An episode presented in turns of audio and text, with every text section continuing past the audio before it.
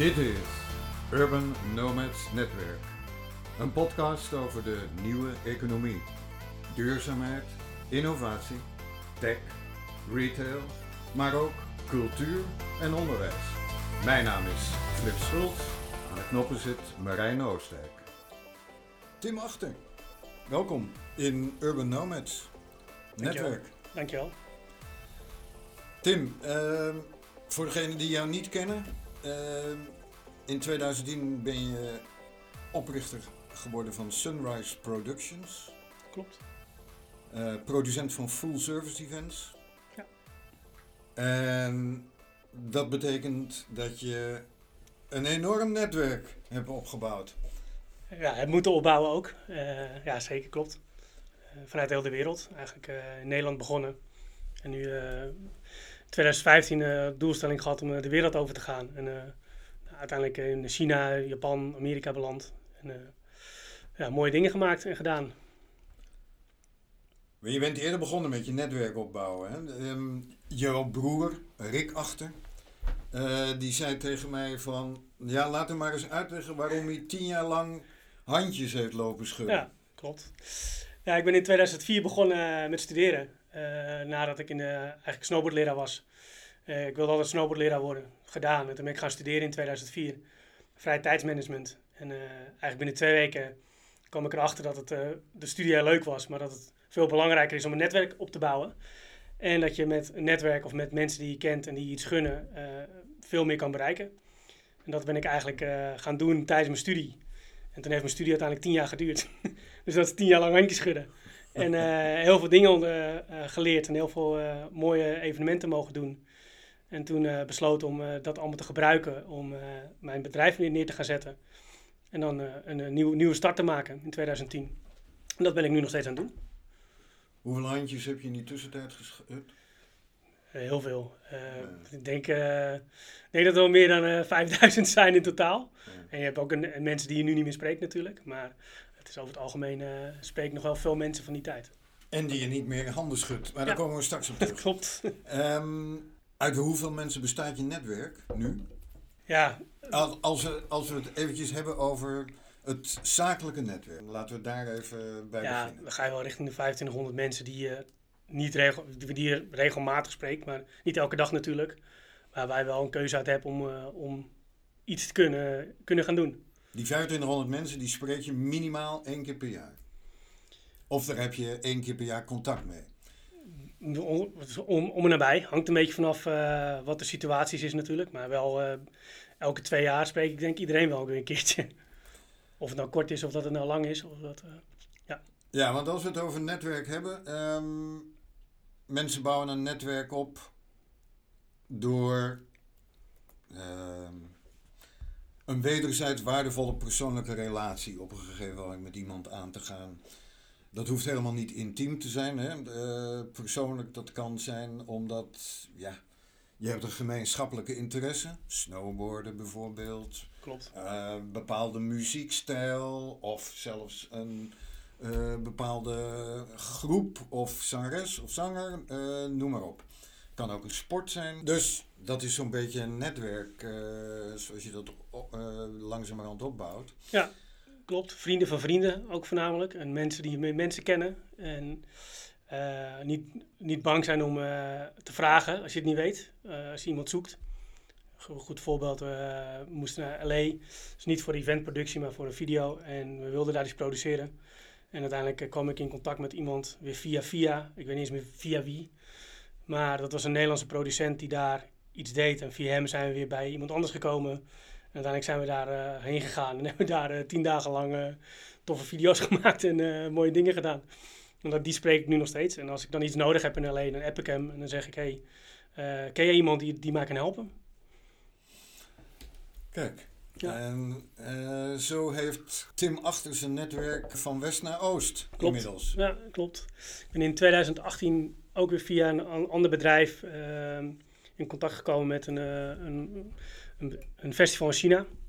En daar, eh, daar zijn we eigenlijk, is dat bedrijf uitgenodigd om daar een aftermove in de livestream te doen. Daar ben ik mee mee geweest. En uiteindelijk uh, wilden zij ook iets meer doen in Nederland. Ze zaten in de dancewereld. Dus ook met Amsterdam Dance Event wilden ze in Nederland, in Amsterdam iets doen. Toen heb ik aangegeven, nou, ik ben diegene die dat kan doen, want mijn bedrijf zit in Amsterdam, ik doe evenementen, mag ik dat voor jullie doen? Ja, toen moesten we eerst wel even twee weekenden langskomen om te eten, te drinken en elkaar te leren kennen voordat ik überhaupt iets mocht presenteren. En zodoende zijn wij uiteindelijk gaan samenwerken in 2018. En hebben een heel mooi evenement gedaan tijdens Amsterdam Dance Event voor hun. Ja, je snijdt daar een interessant aspect van netwerken aan, want elke cultuur heeft weer zijn eigen stijl van netwerken. Hè? Ja. Je noemde net China. In China is het gebruikelijk dat mensen eerst elkaar uh, goed persoonlijk leren kennen voordat ze je iets gunnen. Ja, uh, persoonlijk meer dat ze je vertrouwen of dat ze vertrouwen in, in jouw bedrijf hebben om samen te gaan werken. Dus ze willen eerst investeren in, uh, in uh, die relatie. Dus niet, uh, niet meteen wat we in Nederland heel vaak doen. Hoi, ik ben Tim. Hoi, ik ben Flip. hey, we kunnen samenwerken, laten we dat gaan doen. Punt. Nou, daar gaat er gewoon een hele tijd overheen. En moeten ze eerst zien of ze willen vertrouwen, ja of nee. En zodra ze dat doen, dan kan je, krijg je veel van elkaar. Waar is dat van afhankelijk? Of ze je iets gunnen? Uh, van je ervaring, van uh, uh, wat je al gedaan hebt, of andere mensen die je kennen. of, en wel persoonlijk, of, of, ze, of je goed gesprek met ze aan kan gaan en of je open staat voor, voor feedback en open staat voor hun cultuur.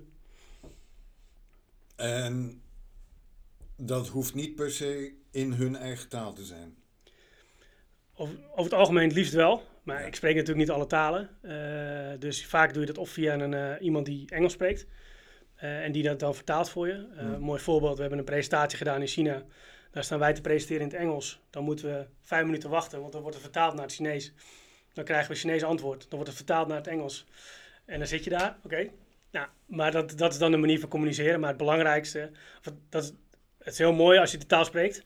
Dus ken ik een aantal mensen die dat ook hebben geleerd. Uh, bij de, bijvoorbeeld bij de nonnen van Vught hebben ze Chinees geleerd om maar beter te kunnen opereren in, in, die, in die landen. Het meest ideaal is natuurlijk zoals Ruben Terlouw dat doet, hè, van die documentaire ja. series over China. Die man die beheerst die taal. Uh, ja, dat is te gek. Uh, je ziet meteen dat ja, het contact is meteen gelegd. Ja. Nou, je, hebt ook, je hebt ook een YouTube, dat moet je maar eens opzoeken is niet, niet racistisch bedoeld natuurlijk, maar er staat white guy speaks perfectly Chinese. En dan staat hij dus in het Engels iets te bestellen en in één keer begint hij in het Chinees een heel gesprek. En dan zie je dus die, uh, die Chinezen kijken, wat gebeurt hier? maar hij verstaat dus ook wat ze allemaal zeggen en dat, dat is gewoon heel interessant. En ook als je taal spreekt, dan weet je ook wat er gebeurt. Bijvoorbeeld in Amerika, ik, mijn Engels is redelijk goed, dus ik hmm. versta heel veel dingen. Amerikanen denken soms niet dat je alles verstaat. Maar als je alles verstaat, weet je ook wat er achter de deur gebeurt of wat, wat er naast je gebeurt. En dat is wel heel handig om dat te weten. Noem eens een uh, opvallend uh, cultuurverschil als je aan het netwerken bent tussen bijvoorbeeld uh, nou, ja, Japan ben je geweest. Ja. In Japan schudden de mensen geen hand. Nee, klopt. Bijvoorbeeld. Ja. Nee, klopt. Japan is het uh, heel veel, met heel veel respect met elkaar omgaan. En niet handen schudden, maar natuurlijk buigen. Maar een mooi voorbeeld is dat we op een locatiebezoek waren bij een tempel. we kwamen eraan en wij wilden gewoon dat, die, die locatie zien. Hmm. Maar wij moesten eerst een hele ceremonie doen. Dus we moesten eigenlijk een, alle mannen moesten rechts de trap op. Alle vrouwen moesten links de trap op. We kwamen naar boven, moesten we drakenwater drinken. Toen moesten we naar boven kijken en door, een, door een gat en dan uh, moesten we eigenlijk een soort bidden naar, naar, naar een, een, een, god. Ik weet niet wat, wat dit is nooit uitgelegd. En dan mochten we naar binnen. En dan moesten we eerst buigen naar, de, naar, naar diegene die daar, die daar stond, de priester. Ja, uiteindelijk hebben we daar die priester wel met een namaak-olifant op de video gezet. En iets heel mooi, heel mooi, mooi dag gehad daar. Dus, maar dat zijn wel dus, dus de verschillen die je moet doen. En daar moet je je wel op aanpassen. Want als je dat niet doet, dan hetzelfde dat je hier in Nederland uh, je moet je wel een beetje aanpassen aan de Nederlandse cultuur. Uh, wij zijn iets makkelijker erin, maar in, in, het, oost, in het oosten is het wel echt uh, hetzelfde met het Midden-Oosten. Ik ben er niet heel, nog niet geweest, maar ik hoor van iedereen dat je wel je moet aanpassen daar aan de cultuur die er is, omdat je anders niks voor elkaar krijgt. Met wie vind je het plezierig zaken doen? Even afgezien van de eigen Nederlanders. Ja, ik vind het heeft nou niks met de mensen te maken, maar ik vind Japan vind ik gewoon te gek. Ik vind het een van de best, vetste landen ooit. Je vindt de cultuur interessant. Cultuur vind ik heel interessant. Uh, Tokio vind ik echt de, beste stad ever, de mooiste stad ever. En ik heb een vriend van mij, die, uh, die ken ik uit Amsterdam, maar die is daar toen naartoe verhuisd. Uh, voor een groot bedrijf om daar te gaan werken. Uh, en die heeft toen ook twee jaar daar gewoond. Dus hij heeft me ook heel veel dingen uitgelegd hoe het dan in het echt gaat. Want ik ben er natuurlijk altijd maar een week of tien dagen of mm -hmm. korte tijd. Maar hij heeft echt twee weken daar gewoond. En dat is wel interessant om... Twee dan, weken, twee jaar? Hij heeft er twee jaar gewoond. Ja. En uh, ik, ben er, ik ga er maximaal twee weken heen. Dus het is heel interessant om dat te leren van... dat er echt Engelse barren zijn of Westerse barren daar. In plaats van dat... Ik kom altijd in de Japanse barren, want dat vind ik leuk. Maar dat zijn niet de Japanse barren, zeg maar. Dat zijn eigenlijk de Westerse barren waar de Westerse mensen komen. en, maar dat leer je ook. En zo hebben we ook een, een iemand, die, een fixer in Japan. Uh, een mooi verhaal. Uh, we gingen daar iets doen en op donderdagavond uh, word ik gebeld door een, door een andere contactpersoon in Japan. Die zegt, ja, we gaan het toch niet doen, we redden het niet. En we moesten eigenlijk die dinsdag moesten we daar iets gaan doen. Toen ben ik op donderdagavond heb ik een ticket geboekt naar Tokio. Ben ik zaterdag naar Tokio gevlogen, heb ik een andere contactpersoon gebeld. Ben ik zondagochtend met hem gaan, gaan lunchen. En s s'avonds ben ik teruggevlogen. En je deal was gered? Heel aardig gered. En ik had een producer mee, die is daar gebleven. Die heeft het uiteindelijk gedaan. En hij heeft het heel trots op zijn, op zijn Facebook gezet dat de directeur van Sunrise Productions helemaal voor hem naar Japan kwam. Nou, sindsdien kan ik niet meer stuk bij die jongen. Dus. Over investeren in je netwerk ja. gesproken. Um, netwerken, opbouwen, onderhouden van wederzijds waardevolle persoonlijke relaties. Ja. Daar moet je dus in investeren. Hoe onderhoud jij je netwerk zelf? Heb je een soort van contactenlijst en elke keer als er iemand jarig is, dan stuur je eventjes een berichtje? Nee, de... nee ik, ik ben nog een beetje van de, niet, niet echt oude stempel, maar ik doe dat meer op gevoel. En ik heb niet een hele lijst, ik heb gewoon een telefoonlijst, ik heb mijn LinkedIn. Zo oud ben je toch niet? Nee, maar ik, ik, ben, ik heb niet een hele, heel archief waar ik al die mensen in heb staan of dat soort dingen allemaal. Het is heel vaak zo dat je een, een vraag krijgt en dat je dan aan iemand moet denken die dat dan voor je op kan lossen. En uh, stel jij zegt nu tegen mij, uh, ja ik, Tim, ik heb een evenement in Amerika en ik wil dat doen met een online evenement en ik, ik zoek iemand in Boston. Ja, dan ga ik denken, wie ken ik in Boston? Ik ken niemand in Boston, maar ik ken wel iemand daar. Misschien kent die iemand in Boston. En zo gaat het door. En dan kom je eigenlijk altijd terug op, uh, en dat vind ik een heel mooie theorie, is de uh, Six Degrees of Separation. Dat je eigenlijk binnen zes, zes mensen ken je iedereen in de wereld. En dus ik kan altijd een belletje plegen aan iemand die ik dan weer ken in Amerika. Die kent vast wel weer iemand. En zo kom ik wel weer in contact met iemand. Ja. Ja. Nu is het natuurlijk aardig wat veranderd sinds maart ja. 2020. Toen we in de eerste lockdown gingen. Wat heeft dat betekend voor jou en je netwerk? Nou, dat, dat een deel stil ligt. Uh, omdat ook de, de, de, brand stil ligt. Uh, dat we nog wel contact houden met elkaar, maar dat is meer één appje van uh, hoe gaat het eigenlijk? Of wat ben je eigenlijk aan het doen? Of wederzijds interesse, en dat is wel belangrijk. En dat merk ik heel erg dat ik dat bij mensen doe, maar mensen dat ook bij mij doen. En dat helpt elkaar ook om, om sterk te blijven in deze periode waar we in zitten. Dat het toch echt wel, echt wel goed komt. En, uh, en uiteindelijk is het ook de social media en digitaal uh, contact houden heel belangrijk. En dat doe je door uh, heel, heel, verschillende apps. vanaf van WeChat tot in, in China heb je WeChat. Mm -hmm. Daar kijk ik af en toe op en dan like je af en toe iets, maar dan weten mensen weer dat je er bent. Dus je moet wel aanwezig blijven. tot aan Clubhouse, Clubhouse waar je gewoon in gesprek gaat met mensen of gewoon een gesprek binnenkomt. dus dat is gewoon belangrijk dat je wel je aanwezigheid hebt. Uh, maar het is wel minder dan dat het, uh, dat het normaal is. In hoeverre leidt het tot nieuwe initiatieven? Uh, op zich wel. evenementenbranche is natuurlijk een hele creatieve branche. Mm -hmm. we hebben heel veel nieuwe ideeën. Er zijn heel veel nieuwe ideeën geweest, van drive-ins tot aan mm. wasstraten voor, voor Vaderdag, tot aan allemaal nieuwe ideeën. Uiteindelijk mag niks, maar daar word je wel creatief van en dan ga je wel steeds weer nieuwe mensen leren kennen omdat je dan betrokken wordt bij zo'n idee. Uh, bijvoorbeeld, wij hadden een idee voor een hele grote, uh, voor een drive-in. En dan kwam ik eindelijk weer in contact met iemand die ik al drie jaar niet gesproken had. En daar ja, dit ben ik even bij. Die, uh, zijn uh, partner die heeft een koffiezaak in Amsterdam. Nou, hebben we daar al gesproken. Dus dan kom je wel weer in contact met mensen en dat is wel heel interessant. Dus het is zelfs mogelijk in deze tijd, waarin we min of meer opgesloten zitten, om je netwerk uit te breiden. 100%. het heeft ook te maken met wat je doet. Eh, als je alleen maar thuis zit, dan werkt het natuurlijk niet. Nee. Eh, maar als je gewoon contact houdt met mensen en als je een initiatief hebt of iets wilt doen of een idee hebt, dat je het deelt met mensen en dan komt vanzelf weer iets uit. En dat is eigenlijk dat je elkaar helpt om, eh, om gemotiveerd te blijven om, om te doen wat je doet. We hadden het al over online sociale netwerken. Ja. Ehm, LinkedIn, Instagram, Clubhouse is eh, de nieuwe ster aan het firmament. Ehm, levert die meer nieuwe contacten op dan de bestaande sociale platforms? Ik denk het wel. Ik denk dat het. eh, het is nog niet zo heel oud. Ik, ik ken het ook nog maar twee weken. Ja. Eh, ik heb wel, we hebben wel wat contact opgedaan daar. Ik ken mensen die zijn er heel actief mee. en die, die, die breiden ook echt een netwerk uit. Ook omdat ze nu de tijd ervoor hebben. En ook omdat mensen die je normaal niet... En dat, is heel, dat vind ik het mooie van Clubhouse. Mensen die je normaal niet zou spreken... eh, die zitten ook op Clubhouse. Dus die kan je daar ook spreken. Want die hebben nu ook de tijd. Omdat, er geen, omdat ze niet, niet heel druk zijn. En dat is heel interessant. En dat zie je van ja, een Clubhouse wat gaat over pitchen van een tv-programma waar een Win- Winston Gerstenovic in zit. Die zou ik normaal nooit, nooit kennen. Maar omdat je daar een gesprek hebt, heb je, een keer, heb je hem gesproken. Heeft hij je naam gezien. En misschien de volgende keer dat hij je kent, ja, eh, ziet hij je naam. En Blijft het hangen. Blijft het hangen. Als we langzamerhand gaan afronden, hoe vaak komt het voor dat je tijd steekt in een relatie en dat het ook daadwerkelijk oplevert wat je wil? Als je dat een beetje op een schaal legt. Ja, nou, het hangt er vanaf. ehm, het hangt er vanaf wat je doel is, denk ik. Mijn doel is uiteindelijk geweest om met Sunrise Productions een groter evenementenbureau te worden. Behalve Mhm. ik als één pitter, waar ik eh, eh, lang mee bezig ben geweest. En dat wilde ik in maart 2020 doen. Door nieuwe identity, nieuwe website en nieuwe klanten aan me te binden.